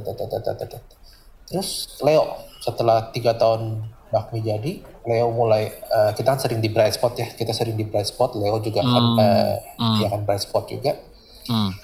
Dan kita mulai ngobrol mulai gimana terus Leo mulai menghampiri kita dibilang ini bakmi enak uh, Leo juga kita spot mungkin tiga tahun kali ya until the partnership happened. So that means Leo has been ah. eyeing on us for three years. Three years. Yeah. Mm. Three consecutive years sampai ke tahun tahun ketiga tahun yeah. pertama kedua cuma eh hello man atau gimana eh Leo ya gue Andri gitu oke okay. basa basi tahun ketiga baru mulai ada oke okay, ini kayaknya mulai ketebak ya kayak oke okay, mm. mau mau gimana mau gimana. Mm. kalau Leo kita juga sama uh, eh, gue sama Ferry ngomong gimana menurut lo kita berdua jagonya dimasak tapi kita nggak punya uh, jagonya di marketing atau kita mau gimana sih? Ujungnya gimana? Oke kita maunya bikin uh, kita mau expansion kita mau gedein. Gue bilang ya udah Leo is the is the right guy. Mm. Leo is the, is, Leo is the right guy mm. kalau lo mau Leo is the right guy karena dari dia punya track record dia yeah. dia dia sudah membuktikan bahwa dia bisa yeah, gitu. Iya iya iya iya. Dan jagonya dia ya sekarang sampai dia bisa masuk Smesco di root Smesco, hmm. jagonya dia adalah membawa UMKM small small people Skill. to be something recognizable. Iya iya iya. Then we did the handshake, we never do any contract atau anything. Gue Leo, oke okay ya, segi, kita do it. Then wow. after we handshake, five months, six months, jadilah itu bakmi tiga marga dan ever since ya udah we hmm. it's it I think everything started with that feeling tapi untuk uh, friends uh, apa long long long time friends yang udah dari kapan udah sering ngobrol menurut gue itu kurang cocok jadi business partner karena bisnis itu involve money hmm. and money can lead into many uh, many things that we don't want. Jadi hmm. kalau lu emang mau keep kok ya jarang. Maksudnya bis kita kita sekarang bertiga good friends. In, in, in, uh, di Bakmi Tiga Marga tapi it never started as best friend dulu baru kita uh, oke okay, oke. okay. karena karena lu best friend gua gua ajak lu bisnis gua. Oke. okay. itu salah ya. Kalau mereka kalau kita hanya karena lu best friend gua gua ajak lu deh. Tapi mereka nggak bisa bring anything to the table ya why us then? Hmm Hmm. Ntar malah berantem ujung-ujungnya karena lu yeah. kerja, lu ya berantem hilang. Mendingan lu keep your best friend as your yeah. best friend and find your a, a hmm. new friend that can be a good business partner. Business partners. Iya. Okay. Jadi Siapa tetap tahu dari business partner bisa jadi best friend juga. Ah, make sense. Oh, yeah. Kembali jadi ke kompetensi ya. Kembali jadinya ke track record. Um, hmm, yeah. Ketika lu decide uh, orang ini bisa jadi partner lo apa enggak ya lu ngeliat dulu apa yang udah pernah dia kerjakan gitu. Iya. Yeah um, dan lebih mending lo milih dia karena kompetensinya daripada karena kedekatan lu doang gitu kan? Betul. Alright alright alright Kalau back to Hans sekarang uh, and, and and Budi tadi hmm, yang yang soal si star syndrome tadi. Uh, hmm, I gue hmm. suka banget uh, uh, yeah. point of view-nya Andri tadi tapi mungkin Hans um, as the head chef uh, hmm. di August dan punya tim yang menurut gue juga uh, apa ya pengalamannya juga nggak kalah gitu kayak Ardika hmm. pernah di uh, Room for Dessert gitu salah satu oh, resto yang yang uh, teman-teman kalau nonton Netflix pasti tahu tuh Will Goldfarb kan ya dibahas yeah. di di chef table gitu. Dan I'm sure creative wise juga pasti lo ada ada ada discussion ya kan gimana caranya lo avoid the star syndrome but at the same time juga lo bisa bilang August it's still uh, gua yang ngelit gitu. Oke, jadi kalau dari gua mungkin nanti Budi bisa nambahin. Uh, hmm. Tapi kalau dari gua, especially di kitchen, hmm. yang bisa membalancein star syndrome itu menurut gua termsnya accountability. Hmm. Jadi the more kayak lu di spotlight, lu reputasi at stake-nya yang di yang dipertaruhkan tuh lebih besar. Hmm. Dan itu gua harus uh, sadarin ke diri cuma diri gue contoh uh, gue selalu ngasih point of view ke tim gue kalau oke okay, misalnya chef kayak misalnya uh, marah-marah lah, uh, being very kayak misal temper atau enggak kayak very aggressive in claiming their leadership atau gimana. Cuman orang harus paham juga reputasi chef tuh udah kayak trading saham kali ya. Kayak tiap uh, setiap setiap menit bisa jatuh. Jadi maksudnya adalah waktu lu lagi servis jam hmm. 7 makanan enak semua tiba-tiba ada kesalahan nih hmm. pemilu atau apa tiba-tiba masukin garam kebanyakan atau apa hmm. keluar makanannya ke depan dan hmm. kebetulan tamu itu baru pertama kali makan ke Oges hmm. makanan itu akan uh, menjadi apa ya kayak bungkusan reputasi gue dan dia akan menjudge Oges based on one meal itu hmm. dan efeknya hmm. sangat panjang kayak misalnya hmm. dia dia jadi ngomong ke teman-temannya oh August nggak terlalu enak makan keasinan atau apa hmm. dan itu panjang gitu loh iya atau masuk ke sosmed makanya masuk ke sosmed lebih parah Uh, cuman nah, tapi again itu ntar bagian Budi untuk yeah, merecover. Iya iya iya. iya. Uh, cuman intinya adalah dengan adanya apa kayak dengan lu punya responsibility atau role yang lebih besar, hmm. uh, apa faktor lu bisa disalahkan tuh lebih besar juga. Dan itu yang mungkin bisa membantu lu sedikit untuk sedikit lebih on your toes. Hmm. Dan ini gue terapkan hmm. misalnya ke gue sebagai head chef, terus misalnya gue punya sous chef atau asisten chef, juga gue coba terapin itu. Kayak maksudnya hmm. apa? Uh, eh, gue jarang banget misalnya gue akan menghindari sebisa mungkin untuk misalnya di kitchen kan banyak posisi tuh. Jadi yeah. dari head chef ada sous chef, ada chef de party, ada abis itu komi. Hmm. Gua jarang banget di uh, kalau udah di kitchen yang udah lumayan terstruktur atau besar ya, itu kayak gua ngomelin langsung ke komi. Hmm. Jadi biasa kalau ada kesalahan, sekalipun di depan mata gua uh, si kominya ini uh, hmm.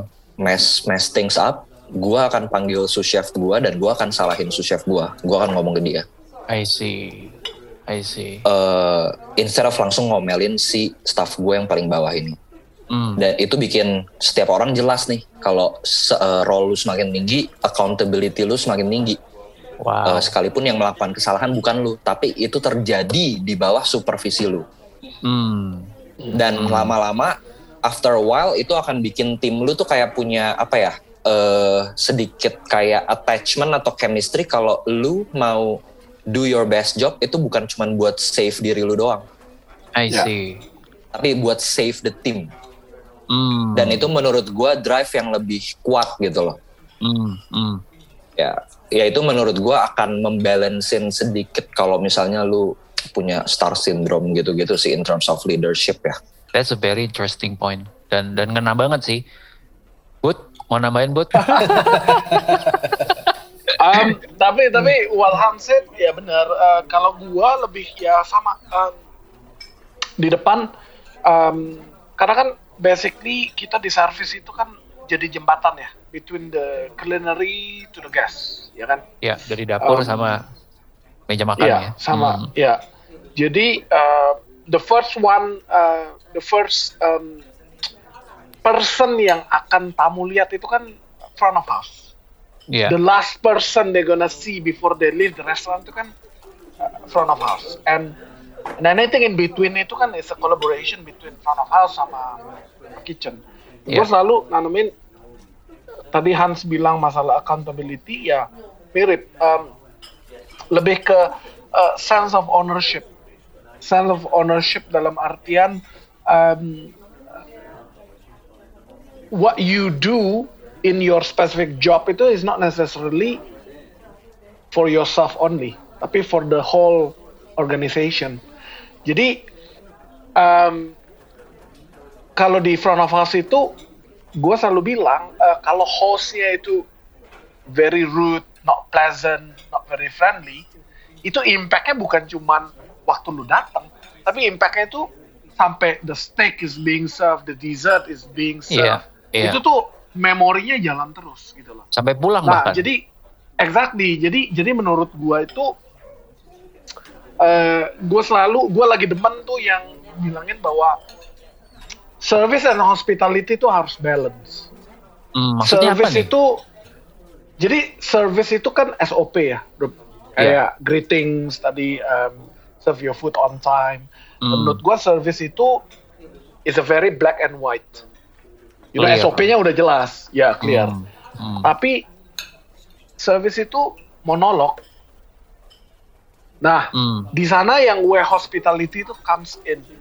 Hmm. Um, being present uh, dan hospitality itu menurut gue lebih yang tadi gue bilang uh, dialog. Jadi uh, uh, connection between guest and and us. Yeah. Yeah. Dan dan itu kalau kalau hospitality-nya kencang, didukung dengan SOP yang kencang. Hmm. Unfriendly host itu nggak terjadi. Jadi impactnya itu ke waktu lu serving makanan, waktu you paying the bill atau waktu lu pulang, the whole package itu di sana. Jadi ya gue selalu nerapin sense of ownership itu penting in everything you do. Uh, mau yang di greeting the, the guests, yeah. serving yeah. the food, yeah. uh, uh, uh, the dishwasher yang clean up the cutleries, yeah. uh, the chef who's cooking, yeah. uh, the public uh, area yang clean up the toilet itu matters menurut mm. gua karena mm. everything I mean kan orang selalu mikir itu bukan kerjaan gua I I perform I excel in my job in mm. my specific job mm. ya tapi balik lagi seperti lu bilang tadi MJ um, satu orang bagus empat orang yang nggak bagus ya you're not gonna win the champion right? Iya, iya. Betul, betul. Tapi it's iya. a collective effort of mm. a great host, a great server, a great chef, a great, uh, you know, dishwasher guy, mm. a great uh, public uh, area uh, cleaner. Yeah. Itu yang get you to win the, the championship menurut gua ya. Jadi the, I always said jadi sense of ownership is very important. You yeah. need to work as a team yeah. and you need to own it gitu. Jadi uh, nggak ada. Kalau di gua tuh nggak ada yang uh, ya ini bukan salah gua. No. Mm. uh, guest mm. complain mau itu food related non food related it's us. Itu wow. sih kalau gua. Wow. Jadi collective effort. Wow. Jordan aja butuh ya uh, Dennis exactly. Rodman yang kerjanya cuma buat rebound Yes. Ah, teamwork. And intimidating the the intimidating yeah, the, the player. The players. Supaya gitu. moodnya rusak kan. Supaya gitu moodnya rusak jadi, gitu. Iya. Ya, iya jadi iya. you need uh, every part.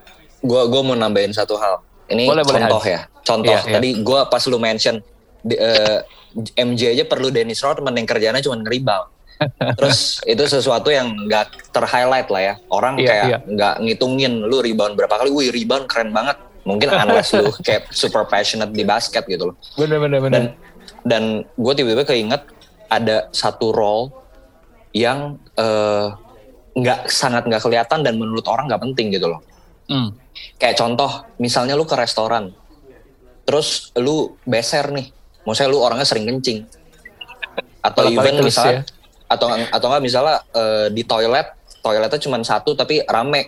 Tapi hmm lu lu pernah sadar gak sih kayak kadang kenapa ya setiap gue kayak ke toilet atau gue ke kloset gitu padahal rame atau enggak padahal gue sering tapi selalu bersih selalu hmm. bersih uh, tisu selalu kelipat itu berarti ada satu staff cleaning cleaning staff itu literally tiap orang keluar Selesai. masuk dia hmm. dia akan dia akan masuk bersihin setiap wow. kali gitu loh. Wow. Jadi nah itu itu menurut gue di rest ya nggak ada nggak ada yang role yang kayak nggak nggak penting gitu loh. Karena hmm, hmm. restoran Michelin tiba-tiba lu ke toilet ada bercak-bercak sorry kayak kencing gitu ya males juga gitu. Kayak langsung langsung ilfil. Iya. Gua gua ingat banget sih gua ke satu coffee shop um, karena gue baru baru di Gading waktu itu ya. Terus gue nggak tahu lah mana yang asik ya. Gue cobain dia semua gitu. Dan ini satu coffee shop yang lumayan terkenal karena dari luar negeri brandnya. Terus gue duduk um, servernya root banget gitu hmm. itu kopi pasti makan langsung gak enak tuh kopinya tuh kayak kopi yang paling gak enak sedunia. padahal, padahal mungkin itu kopi sama aja gitu si baristanya ngebrunya sama gitu kan, gak ada urusan sama yeah. si server juga. Yeah. But gue buru-buru ngabisin kopi gue, gue buru-buru langsung udah mau bayar, gue nggak mau lama-lama di sana. So it, itu experience yang tadinya gue berharap gue bisa kerja sejam dua jam di situ, 10 minutes gue out. Gue habisin kopi gue karena gue nggak mau bertahan di sana dan gue nggak nggak bisa ngeliat muka server itu yang root sama gue every five hmm. minutes sambil gue kerja. Gitu. Yeah. dan gara-gara itu setiap kali ada orang yang mau ngajak gue Rob kita ketemuannya di sini aja meetingnya. No thank you. Kita ke sini aja. Iya. Yeah. efek sih. Scary ya. Customer itu scary ya It's karena karena menurut gue di what we do ini ya di restoran bisnis F&B ini Yes. It's about the food. Iya. Yeah. It's it's it's it's a memory yang uh, good food, good service, yeah. good vibe. Yeah. Yeah. You know, um, lu lu ke Bami Tiga Marga, lu ketemu Andri, uh, you know, welcoming you, lu ke Okas yeah, ketemu yeah. gua, ketemu Han. Itu is all about memory. Uh, root server, root host itu itu the memory jalan terus. Iya, yeah, iya. Yeah.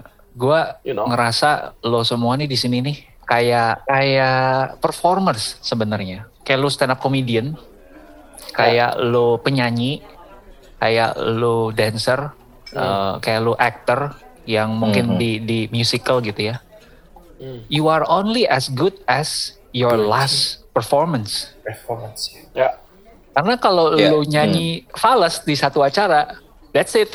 Orang akan bilang, ah ini yeah. ternyata nggak bisa nyanyi nih orang. Yeah Padahal lu cuma satu dari sekian banyak mungkin dari pengalaman lo. Hmm. Atau misalnya lu nggak lucu di satu uh, uh, sesi komedi lu sementara yang lainnya lu lucu, udah kelar tuh akan cerita ke mana-mana orang nggak lucu. So it's very important to have that performance mentality ya. Uh, hmm. Sekarang gue mau bahas hmm. yang customer nih. Nah, karena ada aja customer yang kayak gue, yang mungkin gak disengaja, terus jadinya painful terus nggak mau balik.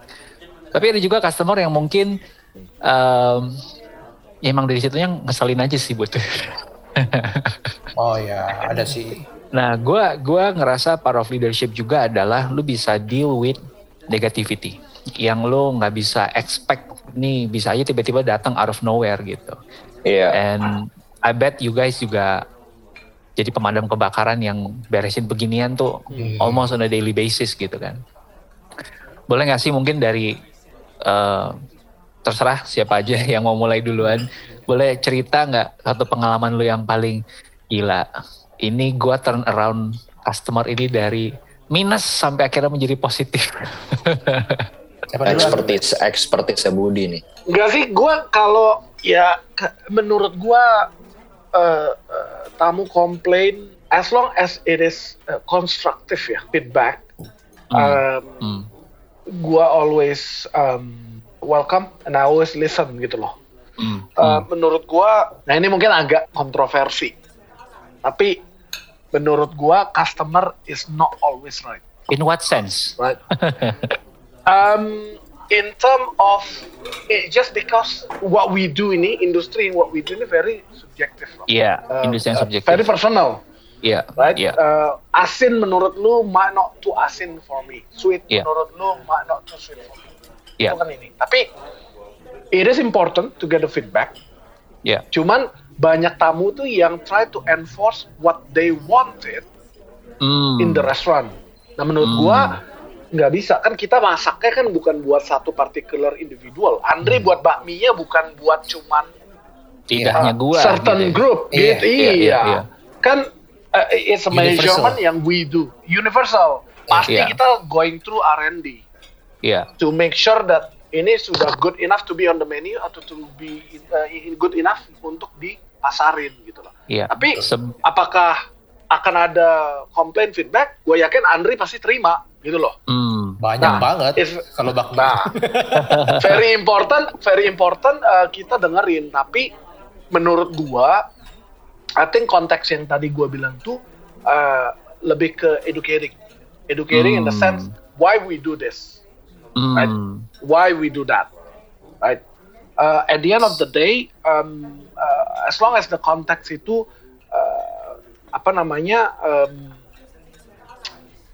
bisa justified menurut gua, uh, it's important untuk kita jelasin ke tamu, ya. Tetapi mm. kalau lu ngomong masalah komplain, as long as it's constructive dan uh, not necessarily abusive, gua akan mm. accepting. Dengerin. Dan itu membuat kita uh, oke okay, ada orang nih yang ngomong misalnya uh, let's say portion is too small that's very common biasanya kalau udah nggak bisa ngomong kerasa tuh porsi itu yang di ini porsi kekecilan gitu ya, kekecilan gitu ya kan oke okay. um, uh, apakah kita akan ignore nggak bisa menurut hmm. gua we are not uh, we cannot be that arrogant yang bilang bodoh amat ya. Hmm. Tapi it's very important. Uh, gue akan bawa ini ke Hans, gue akan discuss. In my case, uh, ini ada beberapa orang nih, ya, yang yeah. commenting about this gitu loh. Hmm. Uh, what we can do.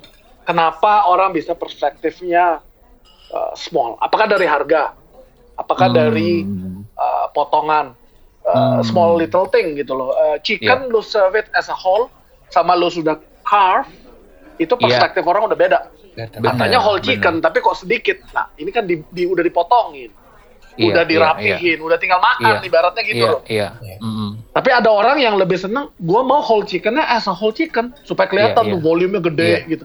Padahal iya, mah kalau iya. gramasi kan nggak mungkin Sama bohong. Sama aja, kan? tulang aja udah berapa kilo bro. Exactly. jadi jadi menurut gue uh, hmm. um, feedback I think is very important.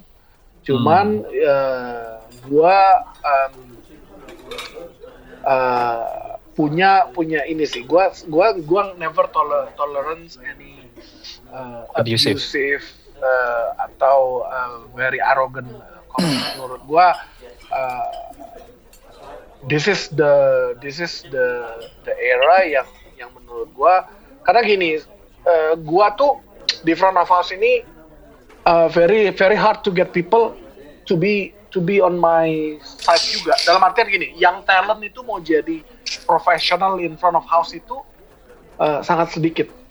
Kenapa? Karena uh, stereotip yang bilang lu tuh jadi waiter. Hmm. Ya kan? To be on my shoes itu you need to serve first. You need to be a yeah. server. Nah, yeah. apresiasi server itu di di Indo pada umumnya itu masih low. rendah. It's not hmm. iya, masih bukan a profession. Tapi kalau lu di luar, it's a different game. Iya. Yeah. You know tamu yeah. sama yeah. server mereka lihatnya eye to eye. You know? Iya, iya, iya. Um, I'm your server because uh, tonight you coming to my place gitu kan. Tapi kalau di sini tuh bedanya uh, is not look at the same level jadi hmm. kadang-kadang hmm. Banyak tamu tuh yang crossing the line lah. I see. Kalau, kalau, jadi kalau gitu. jadi abusifnya di situ ya. Hmm. Ya, ya gimana? Mau nambahin satu poin. Jadi uh, kita kalau gua sama Budi sih percaya iya ada case di mana uh, customer is not always right. Hmm. Tapi kita berdua percaya kalau uh, the the the feeling upset itu harus divalidasi. Jadi maksudnya itu real. Hmm. Mau mau hmm. alasannya doesn't make sense, tapi feelingnya dia tuh beneran terjadi nih gitu. Iya, iya, hmm. Jadi iya. kita akan berusaha supaya ya uh, itu bisa kita bisa do something juga buat dia. Hmm. Uh, hmm. Ini ini gue ada satu contoh sih, tapi ini uh, kejadiannya waktu gue masih di Fairmont. Hmm. Um, jadi basically dulu tuh sering banget gua uh, apa reservation system di hotel tuh suka kayak tabrakan Hmm. Karena si resepsionis bisa ngambil res, uh, reservasi, uh, restoran restoran bisa ngambil reservasi, ya. uh, admin. Jadi banyak sumbernya. Jadi sering banget gue kayak ada satu tamu gitu, udah booking dua orang, uh, waktu itu restoran masih sepi tanggal itu terus tiba-tiba lupa ternyata di tanggal itu ada uh, acara event uh, kayak corporate Hmm. Terus tiba-tiba kayak Hamin 4 baru Hamin 3 baru uh, telepon kayak uh, aduh sorry banget uh, apa gue harus pindahin tanggal lu soalnya hari ini ada ada event yang close for hmm. public gitu loh. Hmm. Hmm. Kebetulan tamu itu kayak super pengen udah pengen banget makan di view waktu itu dan yeah. super upset karena ke, dia uh, apa uh, tinggalnya di Bandung kalau nggak salah Wow. Habis itu ya dia abis itu balik ke Bandung gitu loh. Dia udah weekend itu dia udah nggak ada chance lagi. Benar-benar hmm. upset dan gue waktu gua waktu meeting staff gue baru dikabarin uh, hmm. Hmm. ya waktu itu ya yang gue berpikir untuk gue lakuin dan uh, apa dan gue sebagai kayak chef yang kayak uh, merasa aduh nih nggak bisa nih kayak tempat gue mas jadi ya gue minta nomor telepon tamunya gitu gue yeah. minta nomor telepon tamunya gue yeah. telepon kayak besoknya uh, gue bilang ya uh, ini gue Hans chef di View mm. uh, gue ya gue dengar soal masalah lu kemarin segala macem dan gue tahu lu akan balik Bandung tapi at least gue invite dia kayak misal next time misalnya lu lagi in town gue mau undang lu ke sini buat makan sama suami lu uh, dan uh, ya gue jelasin gue gue gue uh, looking forward buat masak buat lu segala macem dan bulan depannya dia datang hmm. Hmm. jadi tapi kalau misalnya tidak ada gesture seperti itu ya mungkin uh, orang akan ah hancur nih kayak ini orang yeah, kayak iya, reservasinya nggak yeah, yeah. jelas apa tempat nggak nggak organize bla bla bla yeah. ya kayak gitu sih sebenarnya berarti hmm experience yang kurang pleasant buat orang itu kita masih punya kesempatan yang gede banget buat ngebalikin ya. Hmm. Um, itu so, itu makanya important ini Rup, sorry gue potong. Hmm. Itu important. Uh, gue encourage kalau you are not happy in the in the restaurant, itu very up. important that you need to communicate. Karena hmm. the moment you communicate, kita sebagai organization itu berharap masih bisa restore your faith mm, in I anything, see. whatever it is. Mm. Steak lu overcook, oke? Okay? Mm. Atau whatever it is. Yeah, Atau yeah, yeah. this maybe uh, my server was not attentive. Iya. Yeah. Itu kan gua gua percaya gini. Kita semua di bisnis ini di di di hospitality business ini kita strive for people happiness. Mm. Karena that's what matters gitu kan Eh, nggak uh, ada orang buka restoran sengaja buat orang upset gue nggak percaya ya cuman kan memang prosesnya itu untuk make people happy itu kan beda-beda nah yeah, yeah. Uh, if if you have that moment untuk restore the faith I think every mm. one of us will do it mm. mau dari mm. a small scoop of ice cream to a free coffee to whatever it is yeah. itu menurut yeah. gua yeah harus and yeah, we yeah. would do it gitu loh at least yeah. um, gua sama Hans memang bilang uh, itu itu important to restore people faith atau the guest yeah. karena yeah. karena gue percaya maksudnya um, they will forget what you say and they will forget what you know their the complaint about ya yeah. tapi they will remember how you treat them yeah. how you make them feel karena itu itu the last impression yang mereka oke okay, gue nggak bisa makan di view karena di cancel lah salah reservasi lah apa tapi there's a gesture yang apalagi tamunya balik terus personally Hans look after back then ya udah yeah, you win yeah. you win ya yeah, ya yeah, gitu loh mungkin itu, kayak itu uh, kebanyakan case yang sampai ke Zomato nih dulu kan yang kayak sampai maki-maki kasih iya, iya, rating iya, salah itu sebenarnya uh, problem yang nggak tercater Iya. Yeah. Nggak di handle. Begitu, begitu lu walk out of the door dari restoran itu itu nggak ke cater. Hmm. Makanya bisa seperti itu gitu. Jadi kayaknya gue ngerasa audiens di Indo juga perlu dilatih ya. Nggak semua orang tuh dilatih oh, juga very. untuk Oke, okay, lu sampein dulu komplain lu ke manajemen, ke kitchen. Hmm. Kalau mereka nggak menanggapi dan tanggapannya lu nggak puas, dan lu mungkin lu mau go public silahkan gitu di di tempat review di sosmed. Tapi yang terjadi kan banyak orang belum apa-apa langsung mencak-mencak gitu di berkoar-koar ya. Bintang satu. Iya, iya, iya. Iya iya. Tapi kadang-kadang ada bintang satu yang nggak penting loh. Kayak gue punya teman punya coffee shop ya. Review oh. di Zomato dikasih bintang satu. Padahal menurut gue tuh kopinya nice banget gitu. Nah. Bintang satunya gara-gara apa Tom? Mohon maaf, apa? wifi-nya lambat. Waduh. gue bro, bro, yeah. ke coffee shop jadi jadi wifi. Oh, Oke, okay, gue tahu yeah. gitu kan. Um, yeah. Gue mau ke Andri deh, karena yes. mungkin Andri banyak banyak terima review-review yang yang uh, offside gitu ya, yang nggak masuk akal. Yeah. uh, especially in bakmi ya. Hmm, hmm. Kayak bakmi itu, bakmi itu kan very very very subjektif. Hmm, dan hmm. sampai ada cultnya gitu ya. Gue kalau bakmi karet karet doang seumur hidup, nggak mau yang lain. Yeah, kayak kayak bakmi itu menurut gue tidak ada bakmi terenak di Jakarta nggak ada. Bakmi hmm. itu bak bakmi itu it's very subjective in terms of bakmi yang paling enak di mulut lu adalah bakmi yang lu sudah disogokin dari kecil makan nih sama nyokap lu atau ah. bonyok lu. Setuju, setuju. Setuju, setuju. kan? Hmm. Itu there's a pros and cons over there. Jadi apalagi kita new new kid on the block. Hmm. Kita tahu oke okay, bakmi gue enak. Tapi ini kita in, re reintroducing this new bakmi, this new texture, uh, but familiar texture to people yang udah makan bakmi satu brand puluhan tahun kita ngomong. It's not an easy task. Oke, okay, so kita jalanin jalanin. Of course, komplain ada segala ada. Yang rese hmm. juga banyak banget kita ngomong. Hmm. Hmm. Resenya tuh sangat-sangat sorry itu saya menyebalkan banget dan Budi selalu Budi bilang ya ada yang customer is not always right. It is very very true, especially in a noodle joint. Mm. Itu mintanya tuh bisa absurd banget. Mm. Dan dan kita ngomongin oh kayak ada orang tua ya kayak oma-oma lancak-lancak. Lucunya mereka tiap kali datang resenya setengah maaf, setengah gila bener-bener parah banget. Tetapi they keep on coming back. Then I know okay, that means my noodle is good. Tetapi gue at that point yang mereka komplain, gue selalu makanya for the first year uh, for the first opening gua itu sebelum corona gua hampir everyday gua di tempat bakmi karena gua tahu itu pasti banyak komplainan yang masuk dan gua mesti handle sendiri. Hmm. Uh, hmm. It, kayak Budi juga Budi as a as a server tahu kan itu seberapa importantnya kita handle sendiri itu komplainan.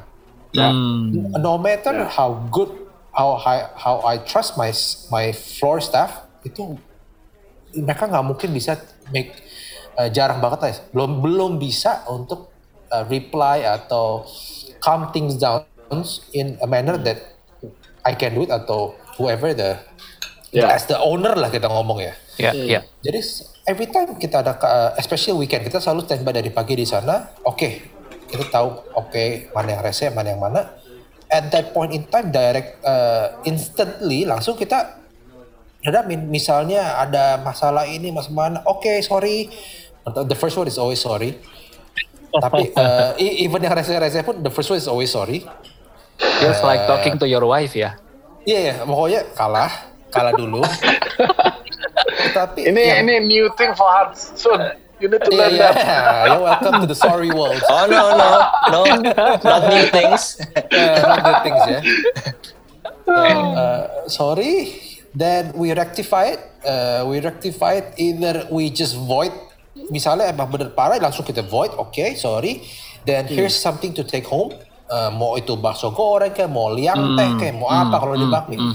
just to that you know okay sorry we we we we made a mistake even kalau misalnya bukan mistake kita dan mereka mulai ada yang benar-benar ini loh vocal banget ya di it's not nice to be that vocal in kalau lagi pas weekend kan ya orang gila juga ini orang teriak-teriak di depan hmm. kasir atau gimana hmm uh, langsung kita redamin oke okay, sorry ya gini gini ini ini kita ada frozen pack you can cook it at home atau whatever it is bakso goreng atau whatever mm, which is hmm, just mm. freebies lah yeah and I'm yeah. sure if you do that you have much higher chances of them returning back to you mm. bakmi bakmi customer is super rese much more rese than I think restaurant customers it's mm. oh it's crazy mm. Mm, yeah. mm. Karena they expect it, expect it to be as good as their favorite noodle. Iya, iya, iya, iya. Dan you are, lu nggak bisa uh, please every single palate. Iya, mm, iya. Kita, kita, yeah. kita bikin, yeah. kan food all universal as we said before. Iya, iya, iya. Dan kalau di August mungkin ada 13 course yang bisa lo menambah probability on. orang match dari 13 itu ya. Tapi kalau Mami yang mohon maaf lu cuma nyampe satu gitu. Kalau nggak suka nggak yeah, suka yeah. gitu kan. um, menarik banget teman-teman obrolan hari ini. Yeah. Gua gua uh, enjoy it a lot. Um, senang juga bisa catch up lagi sama yeah. Budi, Han, sama Andri. Yeah. Um, gue udah cukup lama nggak terlalu in touch sama dunia food. Gue jadi penikmat aja. Kayak gue pengen just want to be back in the the game. Mau, mau ngerasain lagi gitu kayak wah eh, serunya kangen, kangen, kangen. Lu iya, yang iya. mau kita yang nervous. Oh gitu ya.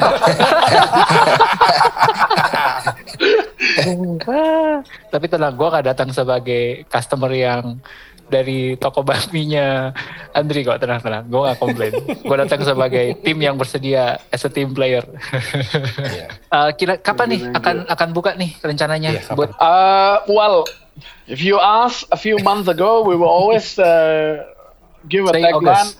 August opens in August. Iya, iya, iya. Uh, but obviously uh, ppkm ini kita memang nggak bisa lanjut konstruksi.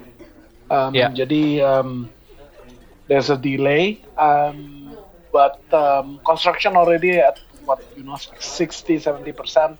So hopefully ya, yeah, hopefully um, next dalam waktu dekat ya. You know, hmm, yeah, hmm, hmm. hopefully. Jangan lewat gitu 2021 sih. lah kalau bisa. No, jangan, jangan, jangan, jangan. Uh, before Christmas. Before Christmas. yeah, been been too long, been too long. Um, yeah, but yeah. yeah. Itu sih. Um, thank you banget, uh, Andri. Um, teman-teman yang tertarik dan pengen ngerasain Bami Tiga Marga dan punya apresiasi yang baru, silahkan order. Bisa ke mana, Andri, kalau mau order? uh, order ya biasa lah ya Gojek, GoFood, Grab semuanya. Gojek, GoFood, Grab semua. Ya. Mm-hmm. Terus uh, Frozen ya Tokped, Tokped, Shopee, beli-beli kita semua ada semua. Mantap, mantap. Gua uh, doain supaya outlet yang di Puri juga rame and Thank you. mungkin akan semakin berkembang, uh, mungkin jadi Thank makin you. mendekat ke tempat gue di Gading. Thank you. Um, thank, thank you juga buat Hans dan Budi. Um, yes. Gue look forward untuk um, makan untuk ketiga kalinya di August di tempat yang baru. thank you, thank you, Robi.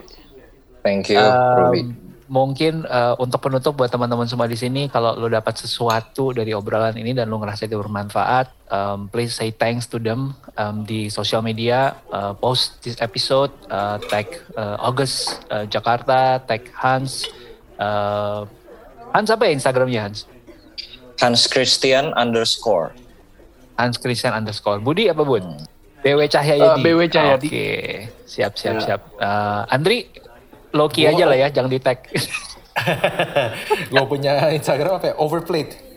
Overplayed, iya iya iya. Yeah, gue inget yeah, tuh. Yeah, Ya mungkin teman-teman bisa say thanks itu akan sangat bernilai banget. Uh, apalagi buat teman-teman yang di FNB ini, every feedback itu mereka suka banget, suka banget ya. Um, that's it for this episode. Um, sampai ketemu di lunch berikutnya. Uh, siap. Thank you. Bye bye. Alright.